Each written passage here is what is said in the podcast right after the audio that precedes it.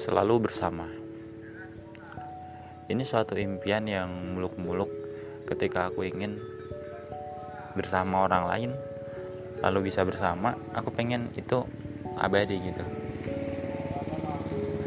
Abadi artinya nggak akan terpisah oleh apa pun kecuali kematian, selalu bersama. Aku kadang mikir orang yang udah nikah pun kadang berpisah entah itu karena pekerjaan karena kesibukan mereka nggak bisa untuk selalu bersama. Ya aku pikir namanya hubungan ada masanya dia pisah terus bergabung lagi bersama lagi supaya kita menghargai yang namanya kebersamaan. Bayangkan kalau kita selalu bersama bersama itu kayak udah biasa.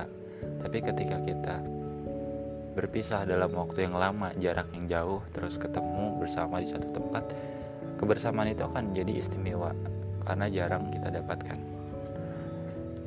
Bersama seseorang itu harus selalu dihargai.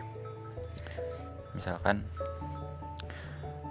nggak harus keluar banyak biaya atau banyak tenaga, kita cukup ada di satu tempat ngobrol bareng dari hati ke hati itu udah dianggap bersama. Tapi untuk selalu bisa bersama dengan orang kita suka dengan orang kita sayang itu nggak bisa. 100% nggak bisa. Bahkan orang yang udah nikah pun nggak bisa untuk selalu bersama. Jadi buat kita semua kalau kita punya waktu ya bersama orang lain gitu itu hargai aja. Hargai waktu waktu dan kesempatan yang ada karena kita nggak pernah tahu momen kebersamaan itu akan datang lagi kapan. Kita nggak pernah tahu kapan ajal menjemput. Karena ketika kematian itu udah datang ya udah semuanya benar-benar hilang. Semuanya udah lepas.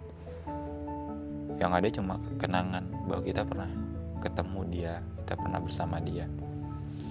Jadi ya sekarang aku belajar untuk menghargai kebersamaan apa pun itu bentuk